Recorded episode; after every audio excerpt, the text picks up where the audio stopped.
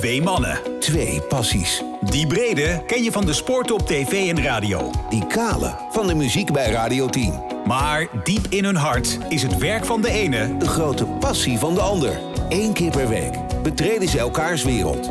Welkom bij Overspel, de podcast. Met Henry Schut En Lex Gaarthuis. De tiende. Is het de tiende? Voor, ja, volgens zover mijn boeken kloppen is dit de tiende. Maar voor veel mensen is dit de eerste of de tweede. Want wij moeten meteen eventjes, nou moet niks, maar wil ik graag even doen. Meteen de nieuwe luisteraars van Overspel de podcast hartelijk welkom heten. Wat fijn dat u ons toch heeft gevonden. Ja. Na al die maanden. Want wij zwoegen hier al een aantal maanden op dit platform. Maar eh, Het is aflevering 10, hè? Ik zeg maar even voor de zekerheid. want het is 10. namelijk vandaag ook de tiende. oh, dat we dit opnemen, ja. Ja. Ja, Ja. Het, het doubleert aan alle kanten. Of je wel scherp wil blijven, Lex. Ja, absoluut. Mag ik even ehm, aftrappen met te vragen of we ietsje liever voor de wereld gaan zijn dan de vorige aflevering? Want eh, de conclusie, ik luister het nog wel eens terug, hè, om Ja, dan ja. een beetje te.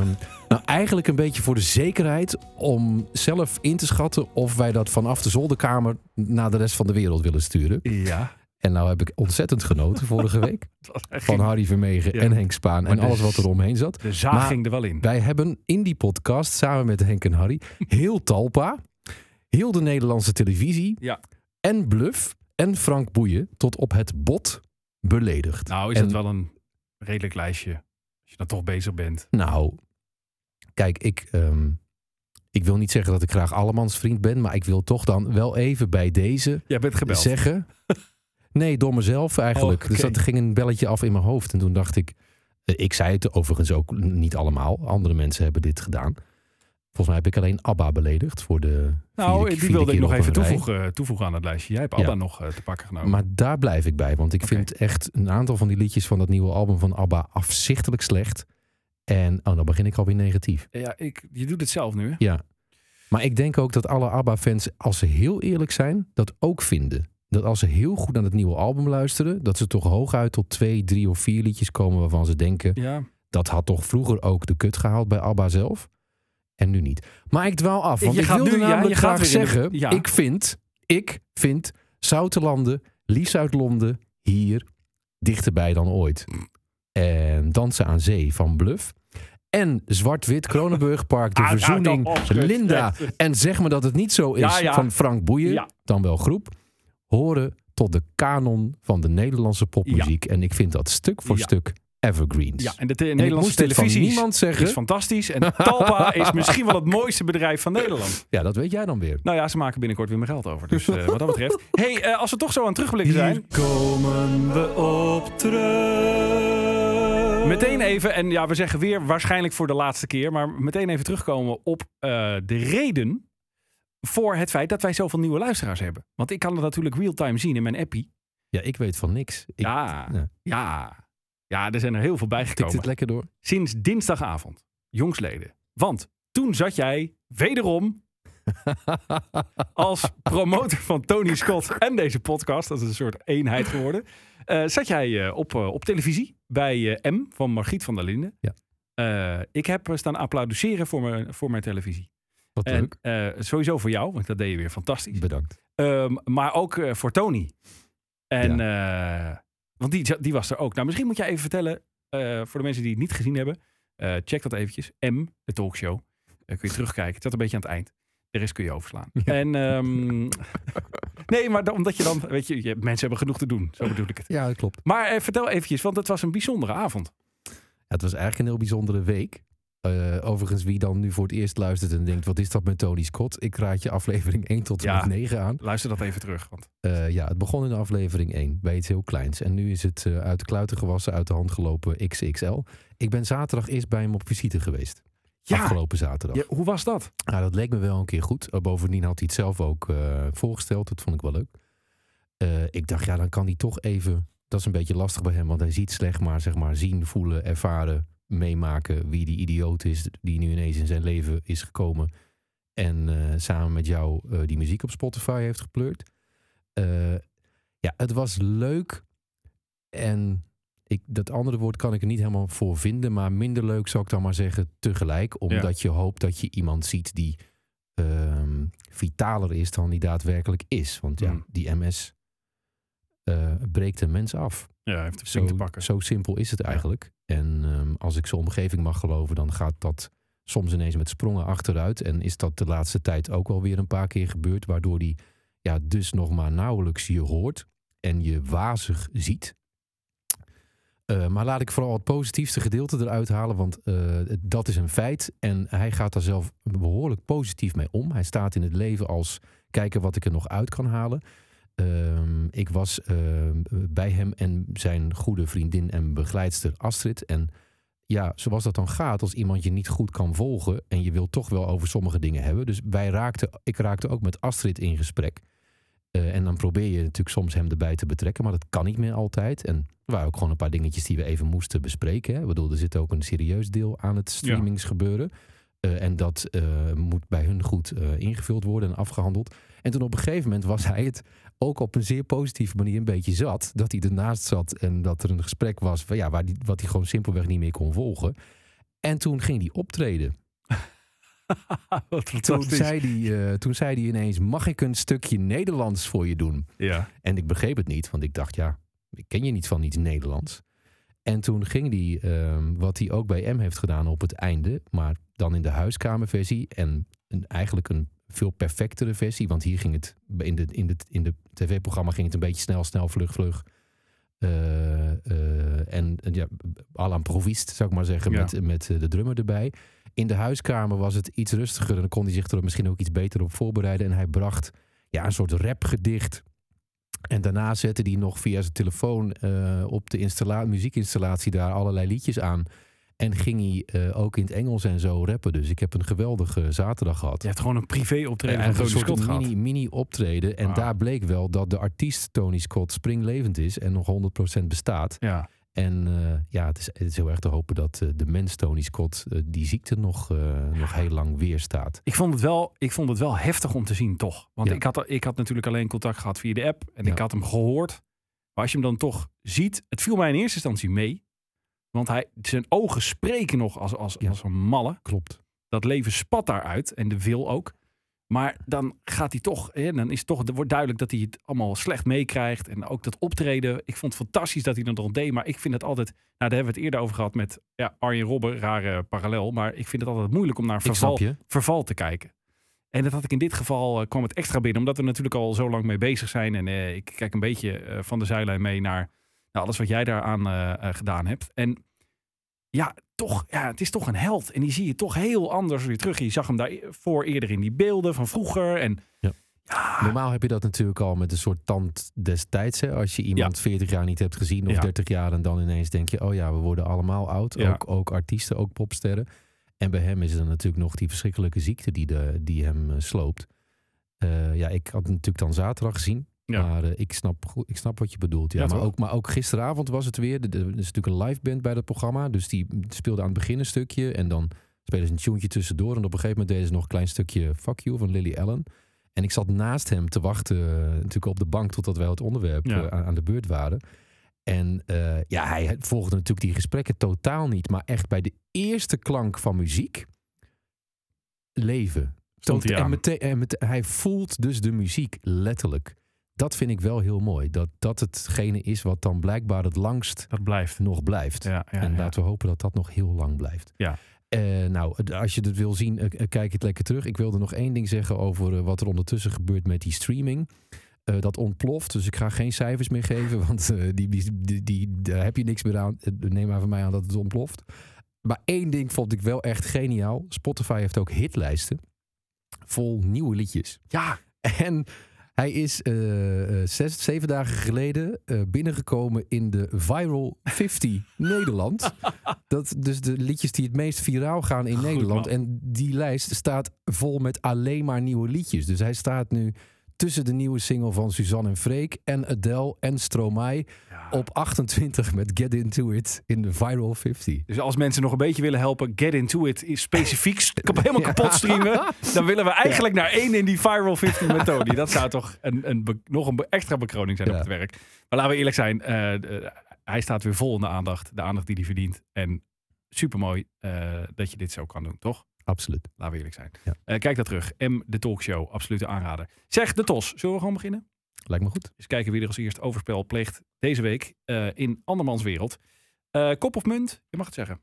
Munt. Munt. Volgens mij zeg ik bijna altijd kop. Ja, nou had je dit keer ook weer moeten zeggen. Tenminste, als je had Oh. willen beginnen, want het is kop.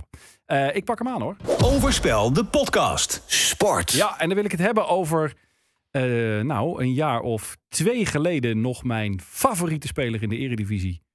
Eh, de man die eh, nou, na heel veel toeters en bellen wegging, toch wegging bij PSV. Toen dacht iedereen, hij zal wel naar Wolfsburg gaan voor Mark van Bommel. Nou, gelukkig heeft hij dat niet gedaan, want Mark van Bommel is inmiddels, weg bij Wolfsburg. Eh, toen ging hij naar Juventus. Juventus stalde bij Sampdoria. En ik dacht, nou, andere omgeving. Raiola heeft daar misschien ook een keer over nagedacht op menselijk niveau. Ehm, zijn zaakwaarnemer. En nu is het laatste bericht dat eh, Mino Raiola eh, bevestigd heeft dat hij al een tijdje geen contact meer heeft gehad met Mo Iataren. Het laatste wat de zaakwaarnemer van de middenvelder hoorde is dat hij wil stoppen met voetballen. Nou, dit kwam toch, ja, dit, dit kwam toch even bij mij binnen in mijn sportieve hart. Het was al een gerucht. Ja, en het is dus nu bevestigd. Ehm Raiola, en dat is op zich ook uniek, die heeft Iatare een transfer naar het buitenland afgeraden, naar eigen zeggen. Zeg jij met enig cynisme, hè? Ja, ja, Ja. maar kom op. Raiola is toch, eh, als je het een beetje volgt, een van de grootste geldwolven die er rondlopen in de business. Eh, en eh, als hij ze weg kan brengen voor een paar stuivers meer, doet hij dat. Ehm, maar goed, had hem aangeraden om vooral in het binnenland eh, te blijven. Feyenoord, FC Utrecht of andere clubs zag Mo echter niet zitten. Dat is misschien dan toch een deel trots of zo. Van nou, dat ga ik, dat ga ik niet meer doen. Ehm, nou ja, het, verhaal is duidelijk. Zijspoor PSV, Juventus kocht hem aan. Sampdoria, daar heeft hij ook niet gespeeld. Toen kwam hij naar Nederland. Dat zou dan om privé dingen te gaan. Want veel werd gegooid op dat hij zijn vader was verloren. hè. Eh, Ja, wat wel al in jaar PSV-tijd natuurlijk gebeurde. Precies, Ja, dat en- speelde ja. daar. En dat heeft niet geholpen natuurlijk. Ehm, maar ja, nu eh, stoppen met voetbal. Hoe kan je zo snel van het grootste Nederlandse talent... de bondscoach ging daar op zijn knieën heen... of hij alsjeblieft voor Nederland wilde kiezen... en niet voor Marokko... zo snel afglijden naar willen stoppen met voetbal. Ik vind het zo'n krankzinnig, snel lopend negatief verhaal inmiddels worden... dat ik denk, waar... Ik bedoel, hij heeft Raiola als begeleider, hè? Mhm, zakelijk begeleider. mhm. Ik denk niet dat dat echt een vaderfiguur voor hem is. Maar er, is, er hebben allerlei mensen hebben geprobeerd om zich over hem te ontfermen. Hè, wat ik dan begrijp van allerlei eh, mensen. Mensen bij PSV, mensen bij de KNVB, bondscoach 1, bondscoach 2, bondscoach Jong Oranje heeft het nog geprobeerd. In Italië zullen ze toch ook hebben geprobeerd om hem een warm welkom te geven, neem ik aan. Ja, het is het, ja. Wat is daar in hemelsnaam aan de hand? Het kan toch bijna niet alleen het verlies van zijn vader zijn. Dat dat, ja, ik wou dat ik een antwoord had. het is echt. Maar het is één grote gisshow. En ehm, een van de enige dingen die ik. Maar dan. Weet je, dat gaat dan niet over hem, want we weten het gewoon niet. Hè? Ik bedoel, dat is namelijk het allergekste aan dit verhaal. Dat, ehm, dat het. Dat is, was eigenlijk de afgelopen jaren steeds zo. Dat het eerst aan elkaar hangt van dat we met z'n allen raden en gissen wat er met deze jongen aan de hand is. Dat ze Ja. het vaak ook bij de clubs in eerste instantie steeds niet wilden zeggen. Dan later bevestigen wat al veelal gedacht werd. Maar daardoor is het ook wel een beetje blurry, moet ik zeggen. Dat je, want nu weten we weten dus eigenlijk gewoon niet echt hoe het met hem is. We weten niet waar hij uithangt. Nee. Het enige wat we weten is dat hij niet voetbalt. Nou, en het enige dat we eh, eh, nu al voorzichtig kunnen concluderen, is dat hij in ieder geval niet de, en dan eh, haal ik Toon Gerbrands maar weer eens aan, topsportmentaliteit heeft, die er kennelijk nodig is om het te redden. Ja, dat zou. Dat, dat, kun je nu eh, klinkt als een aannemelijke conclusie. En daar zou je dan heel aannemelijk aan toe kunnen voegen dat dat misschien ook komt door de enorm jonge leeftijd waarop deze jongen heel groot is gemaakt. brengt Vooral. mij inderdaad op het punt wat ik wilde maken. Ehm, en ik zit daar heel dubbel in eigenlijk. Van in hoeverre moet je dus jongens die op deze leeftijd met zoveel geld, zoveel aandacht, zoveel roem in, in, in aanraking komen, heel erg gaan eh, begeleiden? Want Ja, begeleiden. heel veel. Ja, ja, precies. Maar op welke manier doe je dat? En ik heb dus de indruk dat tegenwoordig begeleiding gelijk staat aan pampering. Dus eh, hè, eh, het naar de mond praten, het knikken. Het, eh, terwijl, en dat vond ik interessant, dezezelfde week ik een interview las met Hakim Ziyech. Over zijn favoriete trainers deed hij uitspraak. En hij zei op één staat bij mij Alfred Schreuder. En op twee Peter Bos. Waarom? Peter Bos vroeg aan hem toen hij bij Ajax kwam. wat kan ik voor jou doen? En dat heeft Hakim Ziyech dus kennelijk eh, aangesproken. En zij hebben een afspraak gemaakt. We zijn eerlijk naar elkaar. Mhm. Maar echt rauw eerlijk. Mhm. En eh Ziyech zei, die toen ook al te boek stond als moeilijke jongen. Hè? Hetzelfde verhaal. Ja. Wordt vaak aan eh, spelers met een Marokkaanse achtergrond toegedicht. Dat het moeilijke, lastige jongens zijn om te bereiken. Om mee te communiceren. Daar heeft het dan wel gewerkt. Maar waar zit het hem dan in dat die begeleiding zo vaak uitdraait op ja, toch iets wat niet werkt? Maar jij weet ook dat dit een niet te beantwoorden vraag is. Hè? Want begeleiding kan perfect zijn en dan kan er altijd nog een individueel geval zijn waarin het misgaat. En Want dit is natuurlijk een wereld Ja. waarin dat op de loer ligt. En laten we eerlijk zijn, bijna alle profvoetballers die echt heel goed zijn en die dus eh, tot de top behoren, die, die leven ook met die muur eromheen, waardoor ze zich in hun eigen toch wel best wel bizarre wereld gaan wanen, waarin Ja. alles mogelijk is. En dat heeft heel weinig met de persoon te maken. En vooral met de omstandigheden, denk ik. Want er zijn er maar heel weinig die onder die omstandigheden met hun beide benen op de grond kunnen blijven staan. Ik denk trouwens, het is grappig dat je de naam Ziyech hier noemt. Ik denk trouwens dat er nog een groot facet is waardoor deze jongen mogelijk al heel snel zoveel druk op zich had, waardoor hij misschien nu, ik let even op mijn woorden, want je weet het gewoon allemaal niet, Nee. Ontspoord is. En dat is dat hij heeft natuurlijk helemaal de kans niet gekregen om als talent fatsoenlijk te rijpen. Want wij zaten in Nederland met z'n allen klaar om deze jongen voor Oranje binnen te halen. Dat en dat is het had ook. natuurlijk een geschiedenis. Ja. Een recente geschiedenis. Want Hakim Ziyech, eh Noes Mazraoui, Ja. ehm, ook nog in hun slipstream volgens mij eh, broer Amrabat, die bij Ja. Feyenoord speelde. En, eh, en, vooral die drie, en misschien nog wel één of twee die ik er nu vergeet, kozen in die tijd allemaal met dubbel paspoort voor Marokko in plaats van voor Nederland. Dat had, vul ik nu even voor die jongens in, hoor, los van een keuze met het hart ook te maken met gek genoeg de keuze dat toen sportief gezien slimmer was om voor Marokko te kiezen. Juist ook omdat ze het allemaal deden, hè, want daar werd Marokko een stuk beter van. En Oranje zat toen in die ongekende dip. En dat heeft met druk van de hele natie zo'n beetje de KNVB heel erg wakker geschud om elke keer als er dan weer een talent opdoken zo snel mogelijk bij te zijn. Dus deze jongen werd eigenlijk een beetje wat er ook gebeurt met talenten van Nederlandse clubs van 13, 14, 15 jaar of soms zelfs nog eerder. Die dan worden weggetrokken meteen door een buitenlandse club, nog voordat ze bij ons zijn doorgebroken. Dat gebeurde hier een beetje op de, maar dan op de, eh, b- b- eh, zeg maar, de landenteams manier. ja. Eh, hij moest en zou voor Nederland uitkomen. Nou, en hij was ook meteen de man die Nederland aan de hand, hand ging nemen op En- eindtoernooien. En hij is en op het die werd- manier ook binnengesleept. Ja, ja. Heeft nog met shirt en zo eh, Ja. gestaan. Met bondscoach ernaast. En het, het rare is, hij heeft toch geen één interland gespeeld? Nee, Nog niet één. nee. Hij had toen nog helemaal niet voor Jong Oranje gespeeld. Dat is ook pas daarna is hij daarvoor geselecteerd en zo. En ook daar, dat is allemaal niet helemaal goed gegaan ook.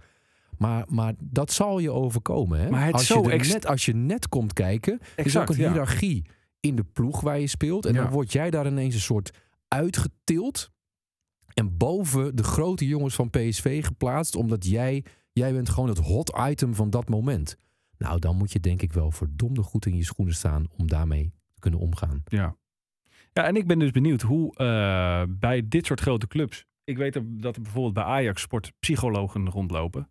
Maar is dat, is dat bij PSV in de hand geweest? Ik kan me ook niet voorstellen dat bij Juventus daar Nou ja, niemand bij rondloopt. PSV hebben ze wel meerdere keren gezegd dat ze er alles aan gedaan hebben om hem zo goed mogelijk te begeleiden. Maar hoe gaat dat dan zo rap van eh, je voeten naar je hoofd en weer terug? En zorgt je hoofd ervoor dat je voeten het niet meer willen doen? Fascinerend. Op een wrange manier. Ja, maar je kan tegelijkertijd ook zeggen, als jij, ik weet niet meer precies, eh, was, het, was hij 17, 18? Ja, toen? 17 Ja. volgens mij. Ja. Maar als je op die leeftijd heel goed bent, dan zegt dat lang niet alles over hoe het nu een paar jaar later Ja, is. ja. Het kan natuurlijk ook heel goed zo zijn dat deze jongen nu een modale voetballer zou zijn geweest. Ja. Dat weet je toch niet? Nee. Je bent nog in ontwikkeling. Ja, we gaan hier ongetwijfeld meer over horen, maar ja, het, dit moet een, ja, dit is, bij, het is bijna een sp- een, sport, een Ja.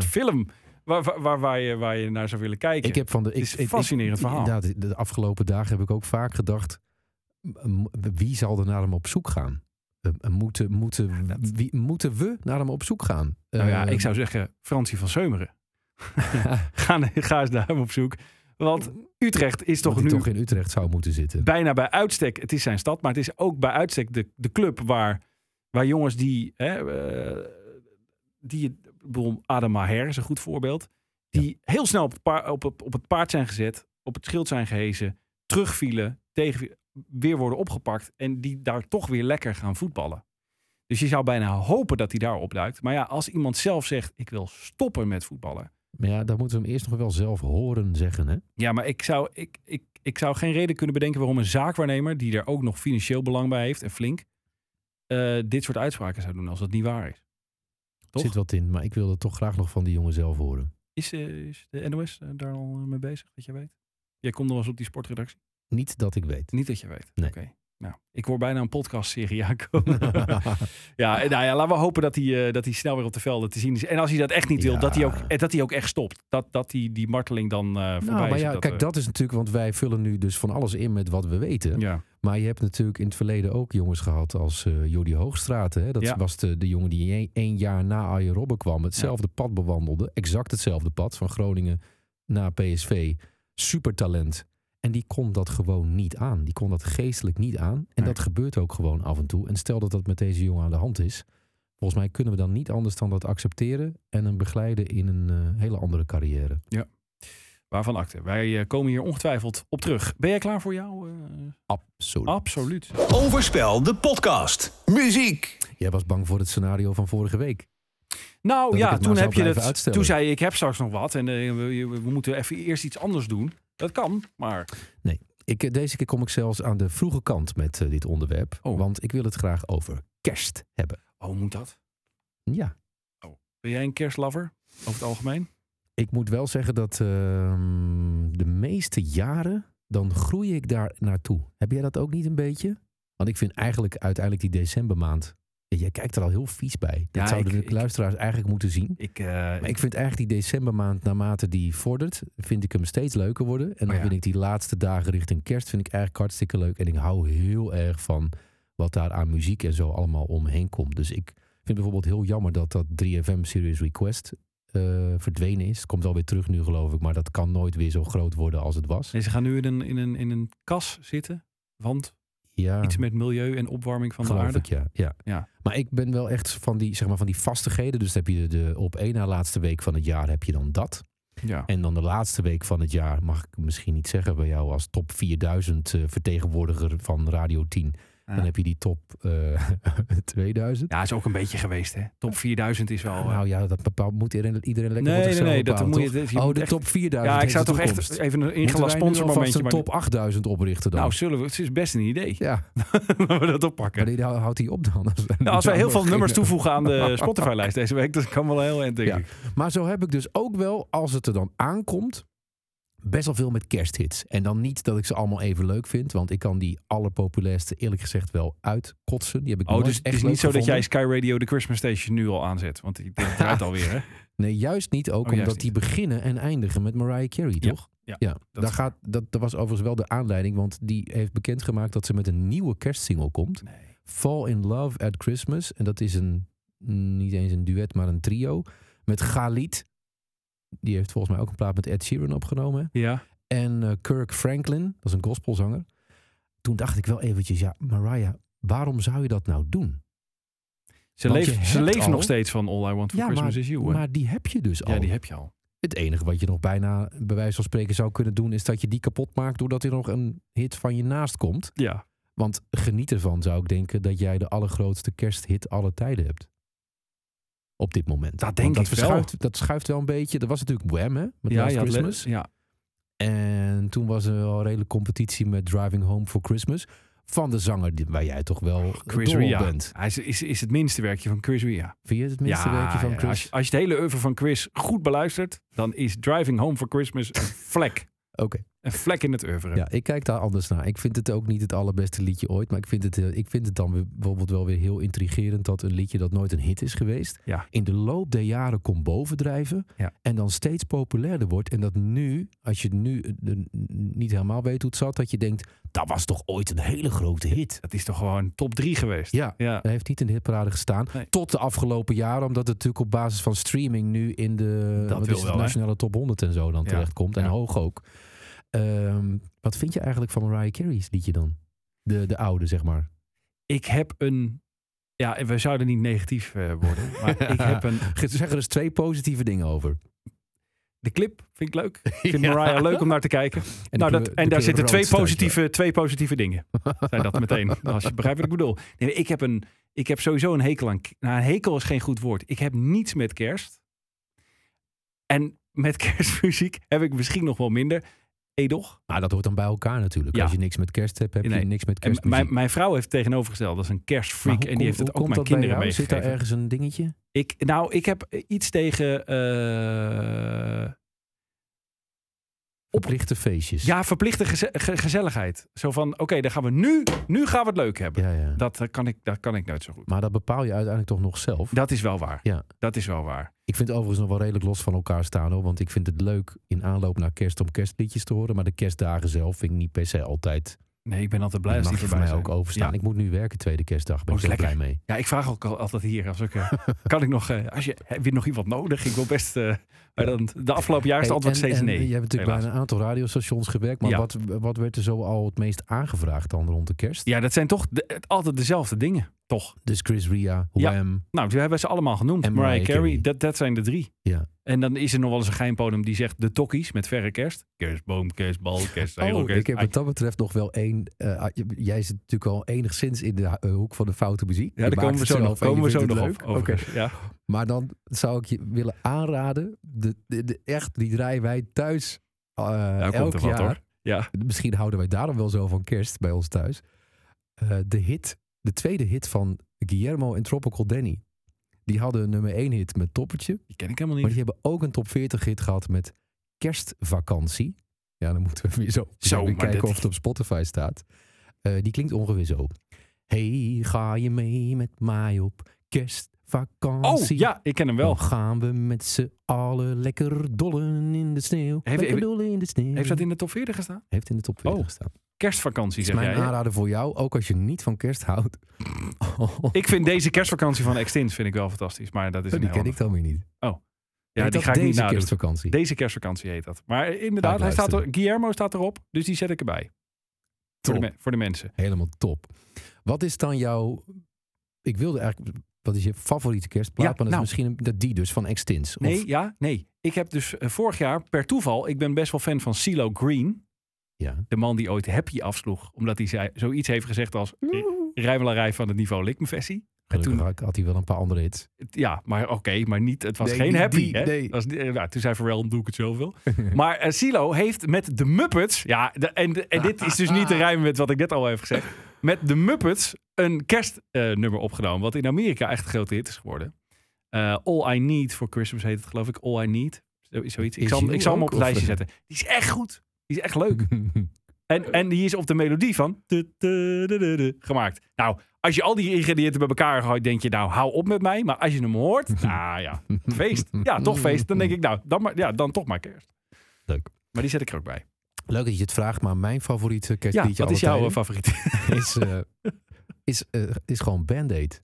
Met Do They Know It's Christmas. nee, oh, dat, vind ik zo verschrikkelijk. Dat, dat komt omdat, daar heb ik natuurlijk precies de leeftijd voor. Toen ik ja, dat is waar. eh, acht was, toen eh, werd dat uitgebracht. Dus ik heb, ben daarmee opgegroeid. ja. En ik heb ehm, de afgelopen jaren, ik roep dat ook altijd in langs de lijn, elk jaar als het bij bijna kerst is en Hugo begint over favoriete kerstplaatjes. Hij zegt dan Slate, Merry Christmas Everybody. En ik Ja. zeg Band-Aid. Maar vooral ook omdat ik kijk in de aanloop naar de kerstperiode altijd alle documentaires die daar in de loop der jaren over gemaakt zijn. Ah, En dat is zo ongelooflijk leuk om te zien. maar een, do- een Omdat documentaire er ook- over... Nou, dus, er waren camera's bij de dag dat dat werd opgenomen. Dus Ja. je ziet al die wereldsterren Ja.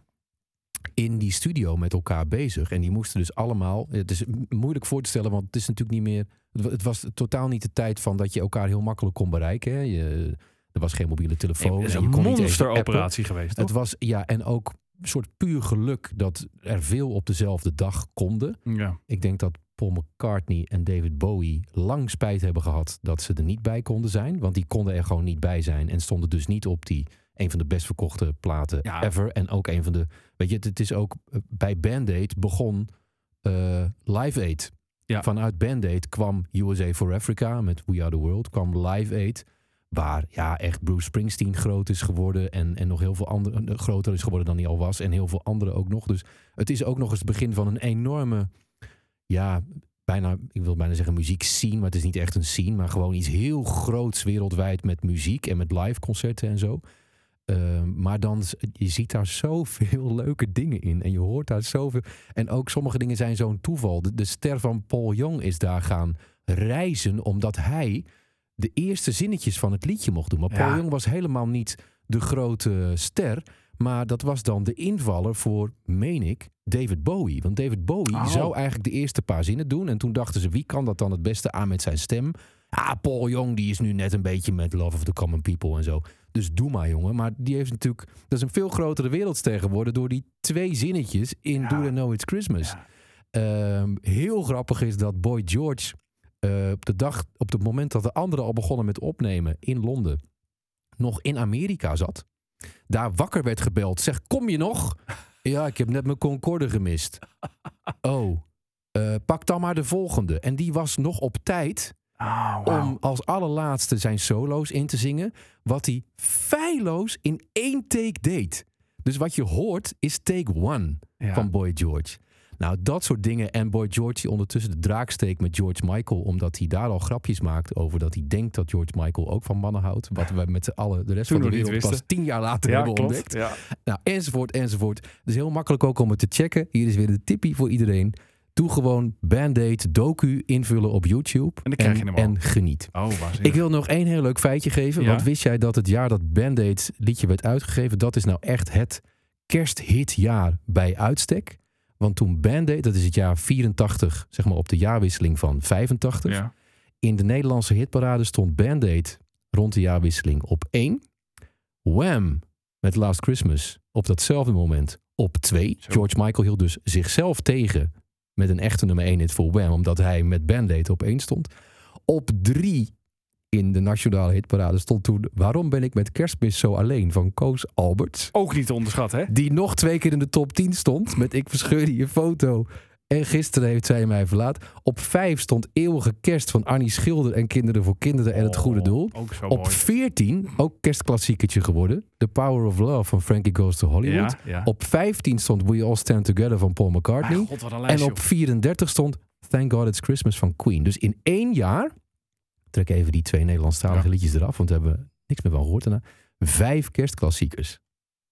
Dus als we dat jaar hadden gemist in de kalender, dan had Sky Dan nooit... was jou een hoop leed bespaard gebleven. Ja. ja. En had ja. de, de muziekwereld er heel anders uitgezien. Ik heb eh, ook de nieuwe Mariah Carey even in ons lijstje gezet. Ter beoordeling voor onze luistervrienden en vriendinnen. Ehm, kan er ook weer uit. Kan er ook weer uit. Nou ja, dan laten we nog een weekje op staan. En dan kunnen, kunnen hoeven ze niet te zoeken. Het is ook Ja. een stukje service, hè? Die Ik heb hem ook nog niet gehoord. Ik wist ook niet dat hij al uit was. Hij eh, staat er nu op. Eh, Instagram.com slash overspelde podcast. Daar vind je de link naar onze eh, Spotify afspeellijst. Vluggetjes beetpakken? Graag. Tuurlijk. Overspel de podcast. Presenteert De Vluggertjes. Ja, Interlandweek. Dus Louis van Gaal gaf weer een persconferentie. Dus was er weer allerlei nieuws. Want hij ging flink tekeer. En hij eh vereffende daar een rekening. Tenminste, dat was mijn indruk. Maar ik hoor graag jouw eh, visie daarop. Hij vereffende daar een rekening met Wesley Snijder. Die, eh, niet? Mwah. Oh, die hem natuurlijk in zijn boek wel heeft eh, aangepakt. En ook in eh, allerlei promo-optredens rondom de uitkomst van het boek ook heeft nagedaan. Klopt. Ik heb hem hier bij 538 eh in het pand meegemaakt. Waar collega Frank Dane vroeg, doe nog één keer even Louis van Gaal bij het ontbijt. Ja. wat, alles in, wat Louis eh, heeft gezegd, of tenminste zegt in het boek, staat in hoofdletters. en Wesley Snijder, die Louis van Gaal nadoet, is wel, is wel een van de grappigste dingen die ik de afgelopen jaren heb gehoord. Eh, ik maar denk goed, dat Van Gaal dat soort dingen zuiver houdt en dat hij echt meende Ja? wat hij zei. Oké, nou ja, maar goed, hij- dan moeten we misschien even vertellen wat hij ongeveer zei. ja, hij, heeft, hij vindt het een goede zaak dat ervaren oud-internationals geen verkorte trainerscursus meer kunnen volgen bij de KNVB. Dit naar aanleiding van het nieuws dat Wesley Sneijder al heel snel is gestopt met die opleiding. Omdat hij zegt, ja, ik ben meer een manager. Ik ben minder een veldtrainer. Mensen, mensen ook? Of, uh, nou, dat heeft hij niet gezegd, maar het kan wel op neer. hij zat er dicht tegenaan. Ja. En kortom, hij was het gewoon niet eens met de weg die de KNVB eh, af wilde leggen. En uh, nou, dat strookte niet. En Louis Vergaal die zegt, nou ja, het is, ook, het is, het is met heel veel, met een hele lichting Nou, niet ik goed denk gegaan. dat Van Gaal dat gewoon serieus meent. En dat eh, ook als ze beste vrienden waren geweest, dat hij dat had gezegd. Want ik denk dat hij wel van het kamp is van wat eigenlijk het best verwoord is ooit door Co Adriaanse. Een goed paard is nog geen goede ruiter. Ja. Zeg ik hem zo goed? Ja. Ja, ja. Goed paard nog. Ja, zo. Dat, dat geldt. Ja, een goede ja. voetballer is nog niet per se een goede coach. Dus, nee. en Nou, de dat is vice versa ook. Maar dat is natuurlijk nu ook omdraaien. gebleken hè, in de, de afgelopen tijd eh, met Nederlandse trainers. Mark van Bommel, Giovanni van Bronckhorst, eh, Frank de Boer. Frank de Boer. Ja. Hij heeft, ik Maar bedoel, goed. ja, Van Gaal heeft nu ook wel de tijd mee om dit gewoon te beweren met de droge ogen. Ik vind dit ook wel discutabel hoor, want eh, je noemt wel namen van mensen die wel titels hebben gepakt. Die, Ja. die ook wel eh, daarna... Nou, of- laten we zeggen die in het buitenland niet per se succesvol zijn geweest. Ja, Buiten de Nederlandse grens. Ehm, maar goed, voordat het hier een eh, al alles behalve vluggertje wordt, pakken we even door. Want eh, we hebben het er een paar weken geleden over gehad. De Nederlandse tennissers, weet je het nog? ja. En toen zei jij, daar wil ik je toch even de veren voor geven. Die Tellen Griekspoor, die moet je in de gaten houden. Want als die nou aan kan haken, heb ik dat echt gezegd? bij, ja, bij die boting Oh, van de. Zandschulp. Ja. Nou, dan, dan hebben we echt een mooi duo. Nou, die heeft het gehoord waarschijnlijk. Die dacht, nou vooruit, ik doe die schut ook een plezier. Eh, hij verloor op de US Open in de tweede ronde van Djokovic. Maar daarna heeft hij niets meer uit handen gegeven. Eh, op een zege in de Davis Cup ontmoeting met eh, Uruguay volgde een serie van maar liefst 20 overwinningen op rij. Goed voor vier titels op het challenger niveau. Ja, zeg maar tweede niveau. Juist. A- De ATP is het hoogste Maar hij niveau met komt de eraan. beste spelers. Komt eraan. Ja, hij gaat als een komeet omhoog op de Leuk, toch? wereldranglijst. Dat is echt heel leuk. En ik, ik heb Ja. een paar van die wedstrijden ook Ja. gezien. Ah, dit- ah, hij staat echt goed te mappen. Want nu kan er dus wel gebeuren wat ik inderdaad toen zei, nu herinner ik het me weer. Ja, Dat je als je met een clubje bent, dat is het. Dat is Ja. wat jij zei. dat je dan elkaar op kan stuwen. En dat is ook letterlijk wat hij nu overal zegt. Hè? Dat hij wel eh, eh, het voorbeeld heeft gezien. Hoewel ze het op een totaal verschillende manier hebben gedaan ook. Hè? Dat zei Ja. Griespoor er ook meteen bij. De een deed het in één Grand Slam, al die punten pakken. En de ander deed het dus in twintig wedstrijden op het tweede niveau. Ja, ik- maar dan haal je hetzelfde aantal Precies, punten. ik vind, maar ik vind deze route nog indrukwekkender.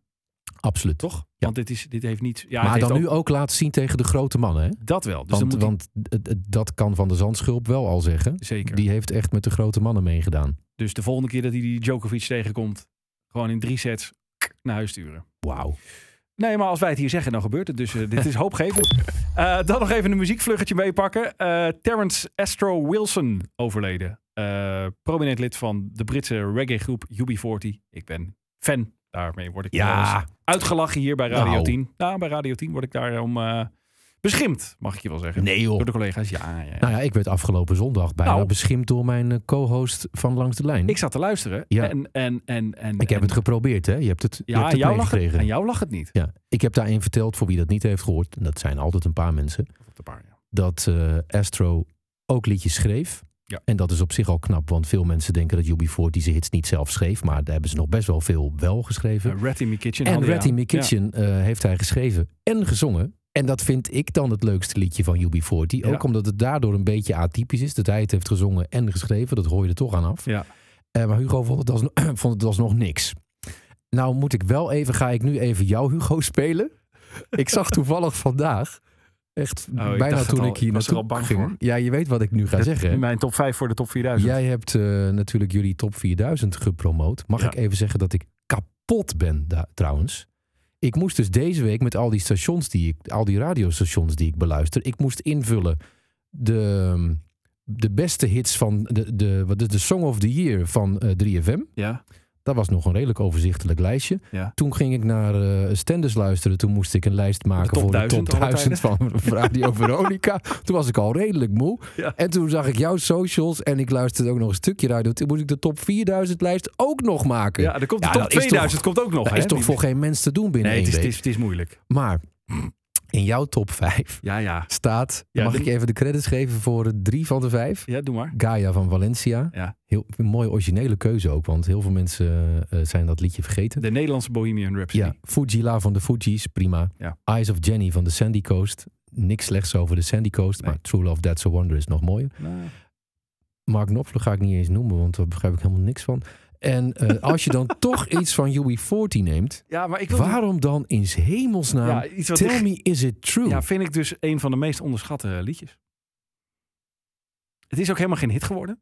Nee, ja, ik weet waarom. Het soundtrack van volgens mij ook geflopte film.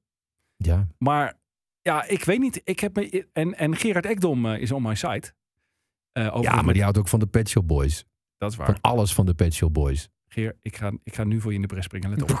Eh, maar die heeft er verstand van. En eh, hallo, is Dr. Pop, hè? Dus eh, nee, maar ja ik, ja, ik draai die regelmatig. En dan krijg ik toch altijd van UB40-fans de opmerking... hey, tof dat je die draait. Dus ik dacht, ja, ik kan wel voor de, de geëikte paden gaan op UB40-niveau. Maar ik ga er eens wat anders in zetten. Hij gaat het niet halen toch in de top 4000. Ondanks mijn stem. Dat weet ik bijna zeker. Maar, nou ja.